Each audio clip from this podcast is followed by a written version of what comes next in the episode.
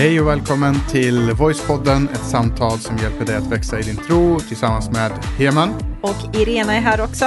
Härligt, och vi är som bekant nu eh, kvar i det här temat som kallas för den röda tråden. Eh, vi är på väg mot den sista änden, det sista slutet av tråden. Jag tror att efter det här avsnittet så är det kanske två avsnitt till. Det stämmer. Och sen är vi klara. Ja. Eh, och eh, så eh, tack för ditt tålamod. Tålamod, det här har varit eh, jättebra väl? Eller? Ja, men det, det, skulle jag nog vilja. Jag hoppas att det har varit ett, ett nöje. Men alltså vi, vi började ju med det här redan 2022. tidigt, precis förra året. Ja, men tidigt i höstas och nu ja. är det eh, liksom våren är på intågande. Vi är inne i mars.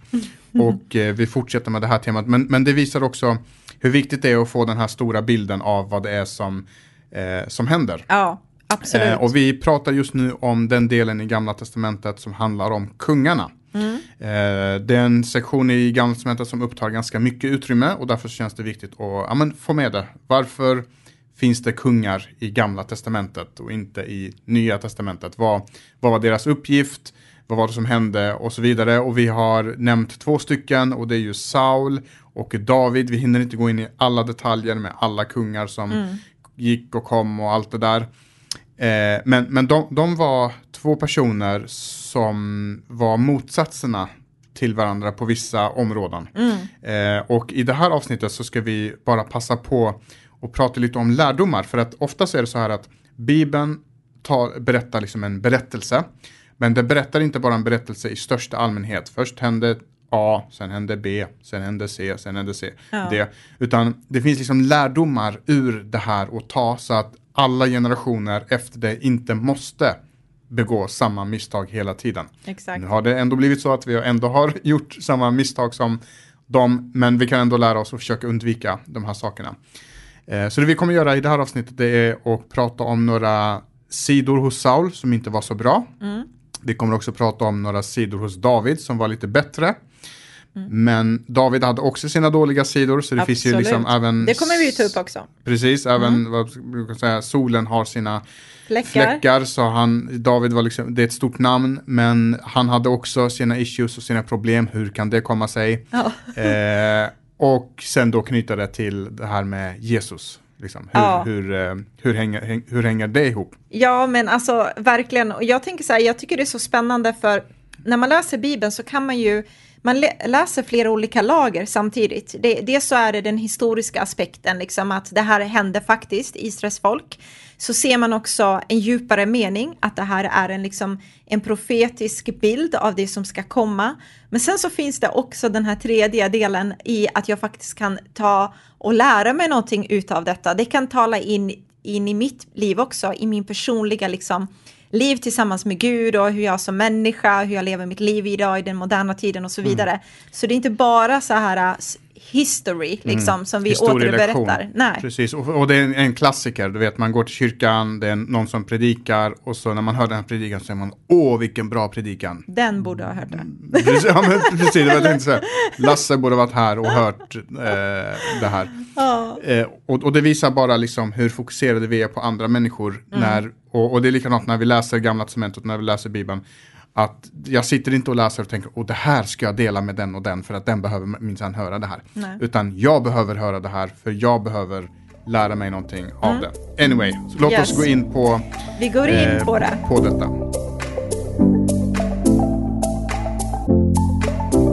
Så vi börjar med Saul.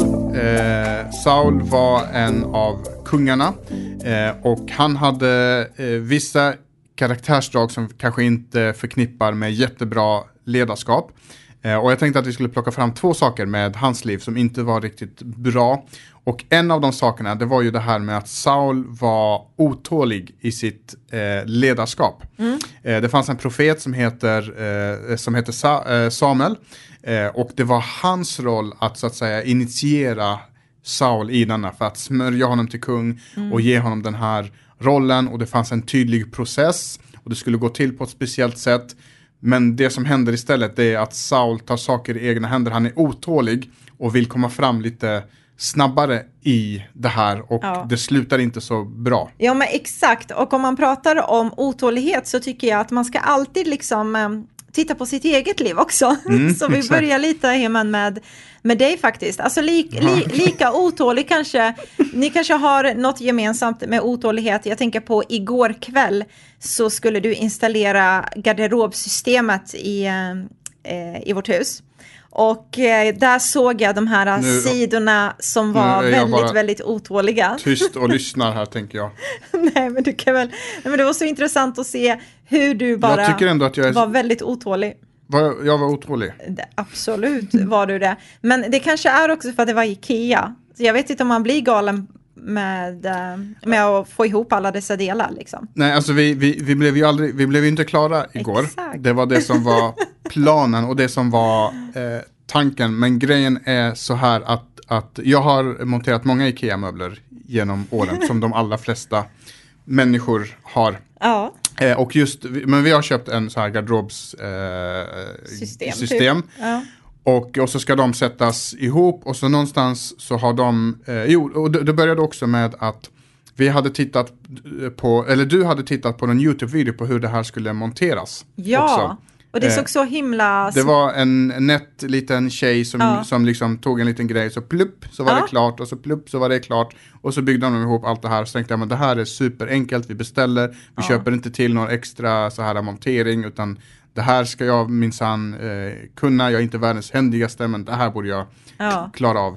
Eh, Och vi klarade av det, det var värsta teamworken igår Ja. med, mellan mig och dig och vår dotter. Och så Ja. här. Vi, vi, Vi liksom, var grymma där. vi var grymma, vi löste det. Sen kom vi till det här sista momentet där det är sådana här äh, små plastskruvar nästan med hål i. Och så ska man först stoppa in den. Och sen skulle man stoppa in någon annan knopp som liksom knoppar in i den och så ska den typ på något sätt hålla fast en bräda på något sätt. Mm. Men grejen var att den här eh, knoppen, den som ska knoppas in i, den, Hålet, i liksom. hålet, i hålknoppen, Ja. Eh, den var så otroligt hård och, och, så, och så var det så tajta utrymmen och jag är inte världens smidigaste människa.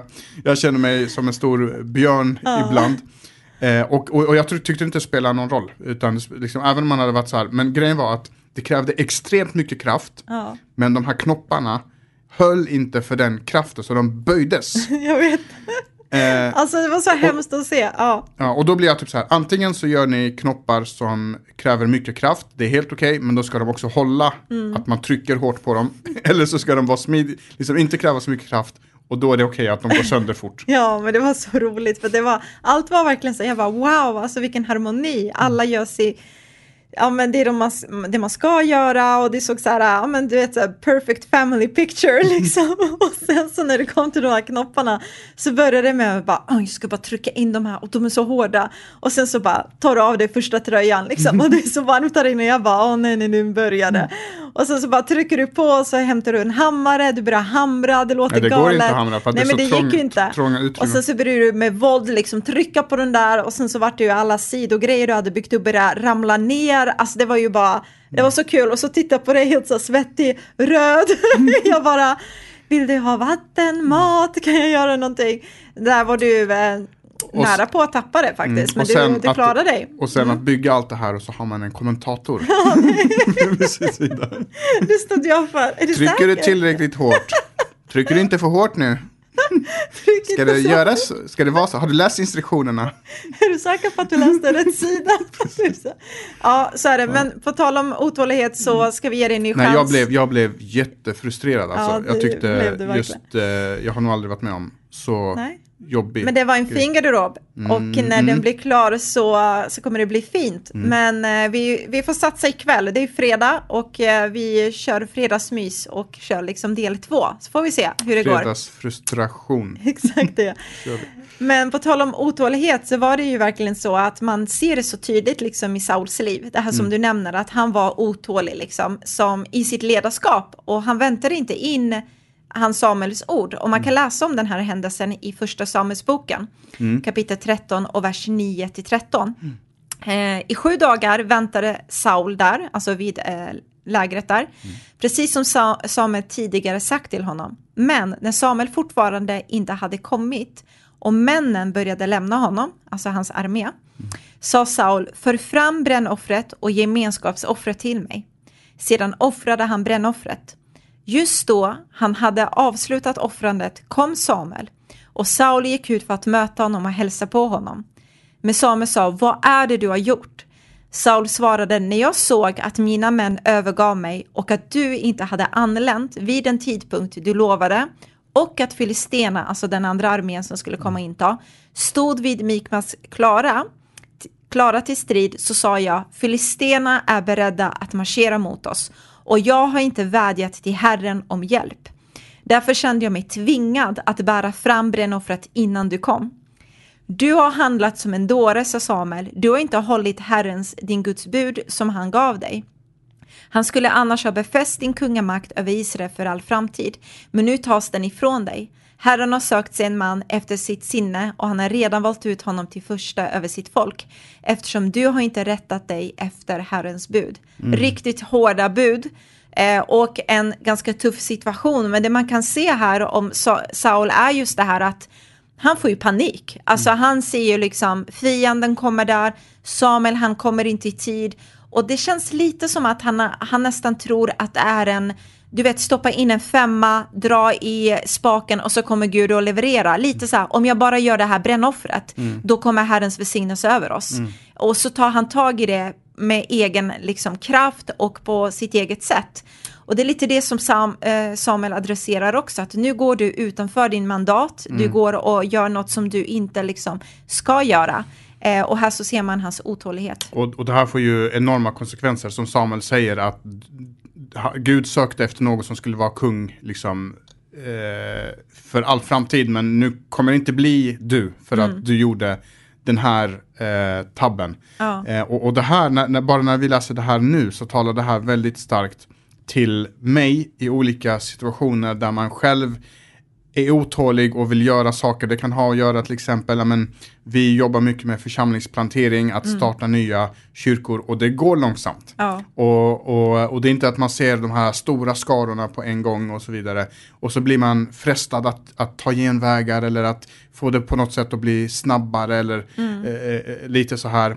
Men så, är, så, säger Samuel i det här fallet att du behöver bara sitta lugn i båten mm. och vänta på Gud. Har Gud mm. satt ett datum, har Gud satt en tidpunkt, då är det den tidpunkten eh, som gäller. Ja, men precis. Eh, och det, det, här är också någonting som vi försöker prata med eh, eh liksom våra ledare i vår församling mm. om att Eh, ja, men det, om det finns någon till exempel som känner på sitt liv, jag har en kallelse att predika till exempel. Mm. Ja, men då finns det ju en process fram till den stunden. Eller jag ja. ska eh, bli lovsångsledare eller jag ska få göra det här, det ena eller det andra. Då finns det ju en, en process. Absolut. Eh, och det är inte så att man ska gå i blindo, typ att man har ingen aning om, om när det händer utan mm. man är liksom bara i någon annans ledares, eh, eh, inte våld, men i någon annans ledares händer så att säga. Ja. Utan det finns en process, första steget kanske är att man, jag gör det här och sen får jag göra det här mm. och så får jag växa i det här. Mm. Och sen kommer den här delen. Exakt. Och det är för att vi behöver så goda och bra förutsättningar som vi bara kan för att komma dit. Absolut. Eh, ja. och, eh, och, och, när vi är otåliga och försöker göra saker i förtid, då blir det inte alltid så bra. Mm. Jo men så är det och jag, jag personligen är så tacksam och glad för de ledare jag har haft i mitt liv när jag var yngre som jag tror det när jag var 15 år och jag tittade på en som heter Joyce Meyer som är ganska känd liksom förkunnare.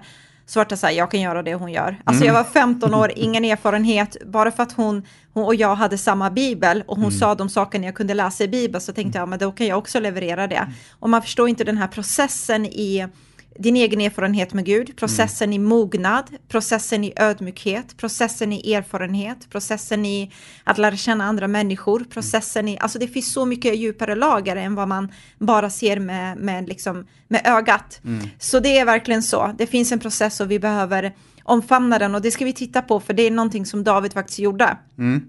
Just det. Eh, Eh, precis, och, och Saul i det här fallet som sagt, han ser att hans eh, mannar börjar lämna honom, han blir nervös, han blir stressad och då känner han att mm. jag måste ta tag i det här i egna händer. Och han, han, han var otålig, så det är liksom den första grejen med eh, Saul. Mm. Den andra grejen med eh, Saul som inte var så bra och kanske nästan, jag vet inte om jag ska gardera om jag håller mig borta från det, men det var något som inte var så bra och det var att han var avundsjuk i sitt ledarskap. Eh, och det kan man också se i eh, eh, första Samuelsboken i kapitel 18. Och vi ska läsa vers 6 till vers 9. Eh, så står det så här. När den segrande israelit israelitiska armén återvände hem efter att David dödat Filisten, alltså Goliat. Goliat, möttes den av kvinnor från Israels alla städer. Så kvinnorna var hemma, männen gick ut för strid och nu återvänder männen då till staden. De hade kommit för att fira segern och möta kung Saul och de sjöng och dansade av glädje med tamburiner och cymbaler. Kvinnorna dansade och så sjöng de. Och så sjöng de då här då. Så, så säger de, så ropar de ut med hög röst. Saul har slagit sina tusen och David sina tiotusen. Så de ger liksom så här. Saul tusen, David tiotusen. Och så står det i vers 8. Saul blev mycket vred och sa. De ger David äran av att ha dödat 10 000. Men jag får bara äran för att ha dödat tusen. Nu är det bara kungamakten som fattas honom. Eh, och från den dagen såg kung Saul med avund på, på David. Ja. Så det är inte så att vi kan se på hans liv och, och se tecken på att han var avundsjuk, utan Bibeln säger klart och tydligt, han fylldes av avund mot David. Verkligen, alltså, och det är så tydligt för att det här var en stor dag. Alltså det är ju liksom den största händelsen någonsin för folket. De vann en stor seger, kvinnorna dansade, de sjöng och jag kan tänka mig att Saul som den person han liksom eh, den känslan man får av hur han är, att han verkar liksom gilla det här tills han hörde vad de faktiskt sjöng. Och det verkar som att det är just den här sången och vad de sa om honom och om David som fick honom att tappa det helt. Alltså bägaren flödade över när det inte var att eh, Saul slog sina 10 000 utan det var bara tusen. För han säger så här eh, i första Samuelsboken kapitel eh, nej, just det, han sa, nej förlåt, du sa det redan där, att han säger att David gav dem äran, liksom, men inte åt mig i princip. Direkt den här fokuset på sig själv och den här självömkan att, ja men varför, varför får han cred för? Jag har ju varit här i alla år och gjort exakt samma sak som han har gjort och nu kommer han här och alla liksom applåderar. Eh, väldigt så här omoget också. Ja, och, och grejen är, det var inte så att han inte fick cred. Och det finns Nej. ett ord, det, för det finns ett ord här också som är väldigt intressant. För det står Saul har slagit sina tusen och så står det och David sina tiotusen. Mm. Alltså det, var inte, det står inte Saul har slagit sina tusen, men David sl slog Exakt. sina tio. Så det är inte så att de här kvinnorna eller folket liksom sätter Saul mot David. Mm. Utan de säger wow, Gud har använt både Saul och, och David på, Ja. en, på en, och, en och samma gång. Ja. Och om han hade lyssnat på det, att det var inte den ena eller den andra, liksom den ena är bättre och den andra är sämre, utan här firas båda. Mm. Men i just det här slaget så gick det på ett sätt för den ena och på ett annat sätt för Mm. den andra. Och det kunde inte han klara av, att, att en av hans soldater skulle liksom få, få större... ha lite större framgång liksom. Precis. För man undrar ju lite så här, vad hade hänt om Saul istället hade firat Davids framgång? Alltså som den kung han faktiskt var. Han satt där på tronen, han fick all uppmärksamhet.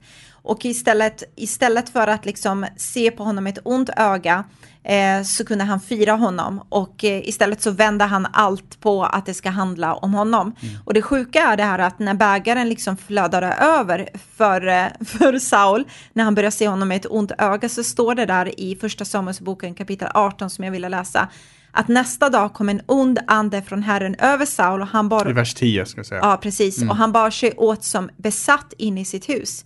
David spelade på harpa som han brukade, men Saul hade ett spjut i handen och plötsligt kastade handen mot David och sa, jag ska nagla fast honom vid väggen. Två gånger lyckades David vika undan. Här så börjar den här galna förföljelsen mot David. Så först ser han med ett ont öga mot honom. Först tänker han det i sitt hjärta, sen börjar han se på honom med ett ont öga och så börjar han handla utifrån det. Mm. Och det här är ju tankar som, som Saul låter gro i, i huvudet. Eh, och, och det är så här, en liten händelse, någonting, hän, någonting som händer, som man inte pratar om, som man lo, trycker, liksom som man håller inom sig, så gror det här och så blir det värre och värre och till slut börjar Saul se rött, liksom. jag måste döda David, det är den enda utvägen.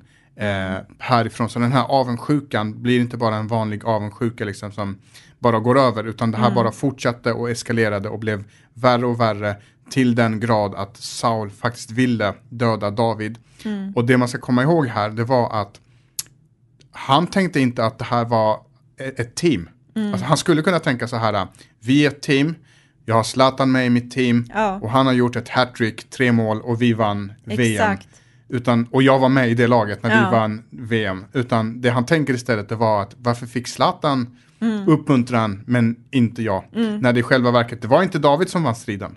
Det var laget som vann striden. Mm. Ja. Men han kunde inte se det på det sättet utan han var tvungen att vara liksom högst Ja. och störst och vackrast och bäst. Om han Precis. inte var det, då var han inte bra nog. Mm. Just i det här fallet var det ju faktiskt David som sköt ner Filisten, men fortfarande så finns det ju det här äh, team, teamkänsla som man faktiskt ändå kunde ha haft i sitt ledarskap. Alltså precis som du säger där, att förstå att för vår nations skull så var det fantastiskt att David bidrog med det här och jag har bidragit med det här liksom. Eh, och jag tror det är precis det där att när man reagerar avundsjukt Eh, när man har det i sitt hjärta så tenderar man att riva ner saker och ting än att bygga upp. Och vad jag menar med det är att man börjar tänka det värsta om någon annan istället för det bästa. Och så börjar man också eh, exkludera eller skjuta bort folk än att dra sig närmare människor. Och det är också det som man ser i relationen till David, hur han liksom börjar se ont mot honom och eh, eh, liksom skjuta bort honom. Mm. Och också bara komma ihåg att det finns en plats för mig också. Mm. Alltså någon annans framgång, någon annans lycka betyder inte per automatik att jag är ett misslyckande och Ja. jag inte betyder någonting och jag är, är så viktigt alltså. är värdelös. Utan snarare tvärtom, vi är ett team, det finns plats för fler Mm. i den här församlingen, det finns plats för fler i det, i det här laget, i det här teamet, på den här arbetsplatsen. Det är Ja. inte bara en som kan vara Liksom, det, det, att det bara en det handlar om och sen Mm. så kan ingen mer göra någonting utan vi kan göra det här tillsammans. Verkligen. Så det tar vi med oss som en lärdom och en princip som man kan efterfölja i sitt liv faktiskt. Oavsett om man är en ledare eller inte så kan man vara en bra eh, vän.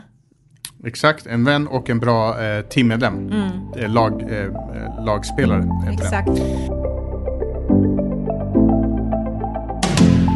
Eh, nu ska vi prata om David och några bra saker som David gjorde. Eh, och en av de bra sakerna som David gjorde var det första som Saul inte gjorde. Exakt. Eh, vi pratade ju om att Saul var otålig, men David å andra sidan, eh, han omfamnade processen på ett helt annat sätt. Ja, men det gjorde han. Och det som är intressant med David var att um, han var rätt så ung när han fick reda på vad Gud hade lagt över hans liv. Historikern eh, Josefus, han skriver att David var cirka 10 år gammal när han blev smord till kung.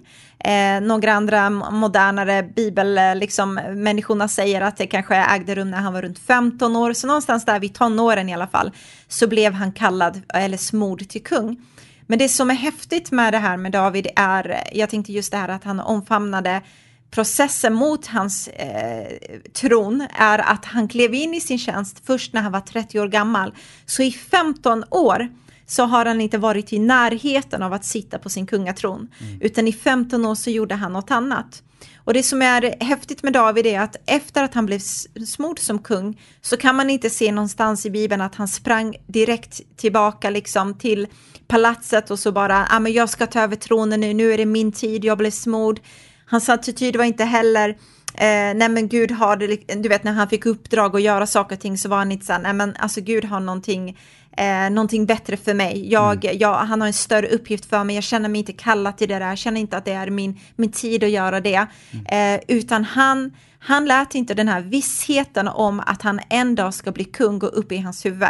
Och det är det jag tycker man kan ta som eh, före, föredöme i Davids liv. Att oavsett om du har en gåva där du ska bli nästa Sara Larsson eller om det är du ska bli den bästa vad vet jag, liksom montören på Volvo, vad det nu än kan vara för någonting. Eh, även när Gud lägger kapacitet och förmågor och, och gåvor inom oss, när vi vet om det, låt det aldrig liksom gå upp över vårt huvud att vi inte kan ha en tjänarattityd. För det var det som Snarare David borde hade. det, ja, svar, snarare så borde det förkrossa oss. Om Gud har kallat mig till något speciellt och jag vet om det så borde det komma en förkrosselse över mig. Liksom hur, Alltså en slags ödmjukhet. Hur, hur ska jag, Mm. Hur ska jag i det? hela friden Ja. kunna få det här att funka? Hur ska jag kunna göra det. Och tänker man inte så, så tror jag att det finns någonting i hjärtat som behöver omkalibreras. Mm. Eh, alltså jag kommer ihåg, jag vet att du har stories kring det. Mm. Eh, när, eh, under de första åren så, så, fick jag typ så här en, en en kallelse, eller så här, det här är vad jag vill att du ska göra hemma under de kommande åren. Ja. Och det var, du ska bära andras biblar. Mm. Du ska gå bredvid, du ska lära dig. Mm. Eh, du, liksom, och, och, och, det var vad vi gjorde under många, många, många mm. år. Eh, mm. vi fick inte vara någon ledarposition, vi fick inte, utan bara stå bredvid och bara titta och låta oss formas och formas ja. och formas. Jag vet, du har någon story om eh, första grejen när du skulle, jag vet inte om det var att du skulle eh, få predika eller vad det Precis. var du skulle göra. Mm. Ja men absolut och då var det ju, man visste om att det var det jag verkligen ville och jag liksom bara längtade så mycket efter det, efter det och försökte lära mig av andra och så vidare och så var det så här, ja men vill du stå på scenen, ja men kom. Eh, och då fick jag komma och sen så var det vi andra där och bara det här är första ledsen i att börja predika. Eh, och då var det liksom skura golvet. Mm. Och det kan man tänka sig, nej men oj vad hemskt, liksom så här, vad är det för ledare? Men det var det bästa på riktigt någonsin, för det, vad det gjorde med mig var att jag förstod att Ska jag stå där och tala in i människors liv och människor ser mig som förebild så måste jag vara en tjänare. Mm. Jag är den som tvättar andras fötter mm. och inte är den som liksom dikterar in i människors liv på det mm. sättet. Mm. Och, men i alla fall, så det var en bra lärdom eh, för en personlighet som eh, tycker om att bli sedd. Mm. Så, så är det en bra lärdom. Ja, men, och, och, det var det, precis det som David gjorde i det här fallet kring den, det här med processen. Att i 15 år så tjänade han Saul och mm. gick bara där bredvid och Exakt. tjänade och gjorde det. Han blev eh, tillsagd, han var musiker eh, där och, och, som sagt, jag kan tänka mig hur många gånger han, det kunde ha varit att han kunde ha tänkt nej, jag, jag, mm. jag är värd så mycket mer än det här, jag har mm. så mycket mer över mitt liv, jag är kallad för så mycket större Eller att han börjar se ner på Saul. Eh, typ sådär, men du, du, ja, står jag, i, du står i vägen för mig. Du står i vägen för mig, mm. jag ska ta din plats och jag kan bättre än dig och så vidare, allt det där. Mm. Och inte bara att han tjänade på det sättet, för att han höll sig inom palats, eh, området, utan dessutom så var han också trofast med att ta hand om familjens eh, fa eh, liksom företag eller mm. fåren som de hade. Han var en herde för dem. Och det man ser med David är att han förvaltade det som hade blivit given honom. Och jag mm. vet att det här är så osexigt i vår tid, mm. att prata om förvaltarskap och prata om process, för det är någonting som man vill ha quick fix i allt. Alltså en 22-åring ska ha en lön som en 55-åring har mm. idag. Det är liksom den tiden vi lever i idag, att vi, vi skippar de här processerna. Precis, ja men den som är trogen i det lilla kommer också vara trogen mm. i det stora och den som inte är trogen i det lilla kommer inte vara trogen i det stora. Och, och Gud ser sånt också mm. och belönar sånt. Men får jag en liten uppgift här, mm. jag får den här lilla uppgiften, jag ska eh, be för människor på gudstjänsten, jag ska ja. fixa fikat eller jag ska skura golvet eller vad det nu eh, kan vara. Mm. Nu gör jag det som man inte ska göra och, och liksom väga olika uppgifter mot varandra. För alla de här uppgifterna behövs för att det ska bli en helhet. Absolut. Men får jag en uppgift som jag upplever, men är det bara det här? Ja, men, nu har Gud satt det här i mina händer, då ska jag göra det bästa utifrån det jag har fått just nu. Mm. Och så kommer Gud lägga mer Mm. Och så förvaltar jag det, jag gör det bästa av det och så ger han mig mer och mer och mer till den kapacitet som Gud anser att jag eh, klarar av. Exakt. Eh, och, och, det i sig är också en, en process som är väldigt nyttig för oss att förstå liksom, i den tiden vi lever i. Men precis som du säger, allting ska gå så fort. Jag ska mm. starta en YouTube-kanal och så ska jag bli stjärna eh, nästa vecka. Ja, precis. och, och, det man ser med David är att det byggdes verkligen en karaktär i honom under tiden. Mm. En annan sak som vi ser med Davids liv är att han var en person som också hade eh, ödmjukhet i sitt liv trots att han visste att han skulle bli kung för eh, sin nation. Alltså till exempel när hans pappa ber honom åka iväg och lämna mat till hans bröder som är ute på stridsfälten eh, så reagerar han inte heller ännu en gång med de här orden men du Ja men du gamle man, vet du inte att jag en dag kommer bli en kung här och ska jag gå dit och liksom vara deras springpojke, det är inte min grej. En av dina betjänta kan gå dit och leverera liksom mackar, jag mm. gör inte det. Mm. Eh, istället så ser han hur han åker iväg, han är trofast i sitt uppdrag och där så får han sitt livs största framgång och det är det som sker det här med Goliat. Mm. Där får För han, att han ögonen tackade ja till den lilla uppgiften. Precis. Och av den lilla uppgiften så kom det här genomslaget. Ja. Och så blev han den här eh, som blev firad. Mm. Det, det, finns en eh, ledare som säger så här, jag översätter det till svenska. eh, som jag följer, så han säger så här, bra ledare tar inte bara uppdrag eller ansvar som ger dem mycket uppmärksamhet, utan de är snarare villiga att göra vad som helst för att bidra till att de är med och främja det större syftet. Ja. Det vill säga så här, vad är det vi håller på att syssla med? Gud håller på att bygga sin kyrka, Guds rike expanderas, människor får lära känna Jesus, människor får höra vem han är, få en förståelse för vem han är. Mm. Och jag är med och bidrar till att det stora syftet kommer framåt. Exakt, exakt. Precis. Eh, och sen ska vi säga då, nu kommer vi till den här delen också, att David, han var inte perfekt. Absolut inte. Inte på något sätt så var han Han hade ganska eh, grova grejer som han gjorde. Ja, det var väldigt, väldigt allvarliga saker. Bland annat så hade han liksom en lust för eh, kvinnor och det ledde honom till att begå ett äktenskapsbrott. Och Mm. inte bara det, han fick kvinnan, kvinnan som han ville ha var redan gift. Mm. Så han fick den här eh, kvinnans man eh, dödad och så tog Genom han att skicka honom längst fram. Precis, går du liksom längst fram i, i, en, i en strid och så stupade han där och, och, och, och många andra saker. Men man ser ändå att i större delen av sitt liv så försöker han, ändå följa Gud och det är därför som Gud välsignar honom och välsignar folket. Men framförallt också skulle jag vilja säga för att Gud än en gång med David visar sin nåd. Absolut. Eh, och, och det verkar som att Gud har eh, på något sätt större hur ska jag uttrycka men st- större liksom tolerans när vi gör vissa typer av misstag än andra typer av misstag som kanske inte är karaktärsdrag. För, förstår du vad jag menar? Ja. Alltså, alltså att Saul och David blev Nej, men jag tror det handlar om det du kanske försöker säga väl det här hjärtats omvändelse. För det är precis det man Just ser det. i David. När man läser psalmerna där så ser han, han är ju väldigt liksom känslomässig, uttrycksfull, ibland är det fantastiskt, ibland är det lågt, ibland är det sådär. Men det man ser hos honom är att även när han gjorde grova fel, som man verkligen inte ska se mellan fingrarna, du vet så, så ser man att han säger Gud förlåt, jag omvänder mig från det här. Liksom att det finns ett hjärta som vill vända om och följa Gud. Och det är det som är häftigt när Gud säger att han är en man efter Guds hjärta. Alltså just att han har ett hjärta av att han vill göra det som är rätt på något sätt. Och att han har en bra självbild också.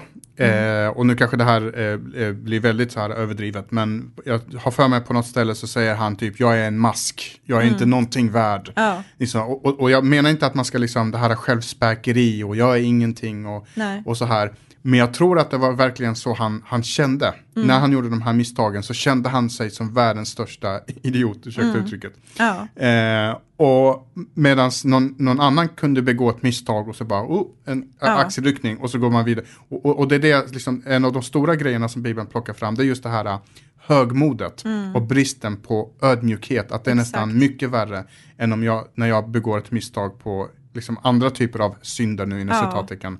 Som man skulle kunna, eh, så. Ja men verkligen, så det kan man ta med sig i sitt eget liv, just den här ödmjukheten och även också eh, det man ser med David, att han omfamnade processen. Han reagerar inte oberoende av Gud, utan han reagerar där Gud är herre och han reagerar under Gud. Och det är den kungen som man sa från början att det skulle vara, en sån kung som faktiskt lyssnar till Guds ord, följer Gud, lyssnar till honom och låter honom ledas av honom. Och man kan se här under Davids liksom kungaår att han fastställer Jerusalem som huvudstad, han säkrar fred i landet, liksom eh, arken kommer tillbaka som symboliserar Guds närvaro, där Gud är herre, där eh, liksom Gud är där med sin välsignelse, det kommer in i staden igen. Eh, till en början är det bara Judas stam som erkänner honom som kung, men sen så några år där eh, efterföljer hela Israel med liksom. Och det man kan se under Davids regeringstid är att Israel har aldrig tidigare tagit del av en sån fred och sån välstånd i sin historia. Med det sagt så kan man ju lätt bli så här, ja men det här är the king, liksom, du vet så. Men fortfarande så finns det en som, som är så mycket större som ska komma. Eh, och det är det som Gud har sagt genom profeten Natan. Eh, om att det ska komma en framtida kung som är mycket större än David, men han ska komma från Davids ett. Eh, och det blir så tydligt att, att när vi har pratat om förbundets framtid och alla dess välsignelser för Guds folk så är det beroende av att den här framtida kungen träder fram. Liksom man väntar på att den här Davids son ska komma på något sätt, han som är Messias, han som är frälsaren, han som är kungen. Och eh, i, i Gamla Testamentet så finns det många profetier kring, kring detta. Liksom. Exakt, så det är liksom allt det här som vi har pratat om nu handlar, pekar just nu om den här kungen som ska eh, komma. Så det blir som en bild på den kommande eh, kungen och det finns som du nämnde precis alltså massvis med profetior. Alltså en lång lista med exakt hur den kungen skulle vara, när han skulle komma, vilken stad, all, liksom allt, allt mm. som man skulle kunna tänka sig behöva veta om den här kungen står det. Eh, och jag tänkte att vi skulle läsa ett sånt stycke som handlar just om det här. Eh, och det står i Jesaja kapitel 9 och vers 6 till 7. Så står det för ett barn blir oss fött, en son blir oss given. Det här är så här klassiska mm. eh, jultexter som man, man, man, läser ibland. Och så det pratas om ett barn och vi ser liksom ett barn i en krubba och det är lite mys och gulligull och så vidare. Men så kommer nästa eh, mening. På hans axlar vilar herradömet och hans namn är under, rådgivare, mäktig Gud. Mm. Alltså ett barn som föds men har namnet mäktig Gud, evig far och fridsförste. Mm. Eh, och vem finns det som är ett barn men som samtidigt är Gud? Mm. Och det är ju bara Jesus Kristus och det kan inte bli tydligare. Och så fortsätter det i vers 7. Så ska herradömet bli stort och friden utan slut över Davids tron och hans rike. Så vi pratar om det här riket då och ja. vi kommer prata om det i kommande avsnitt och där kommer det få liksom sitt crescendo. Vad handlar mm. det här riket om? Det ska befästas och stödjas eh, med rätt och rättfärdighet från nu och till evig tid. Och det här är en viktig detalj. Det är inte vilket rike som helst. Det finns inget rike genom historien som har varat för evigt. Mm. Det egyptiska riket eh, föll, romarriket föll, bysantiska riket, liksom alla riken mm. har eh, st startat och så har de fallit. Men det finns ett rike som ska vara i evig tid. Ja, det är så mäktigt alltså. Och här så ser man så tydligt den här kopplingen mot Jesus i Nya Testamentet.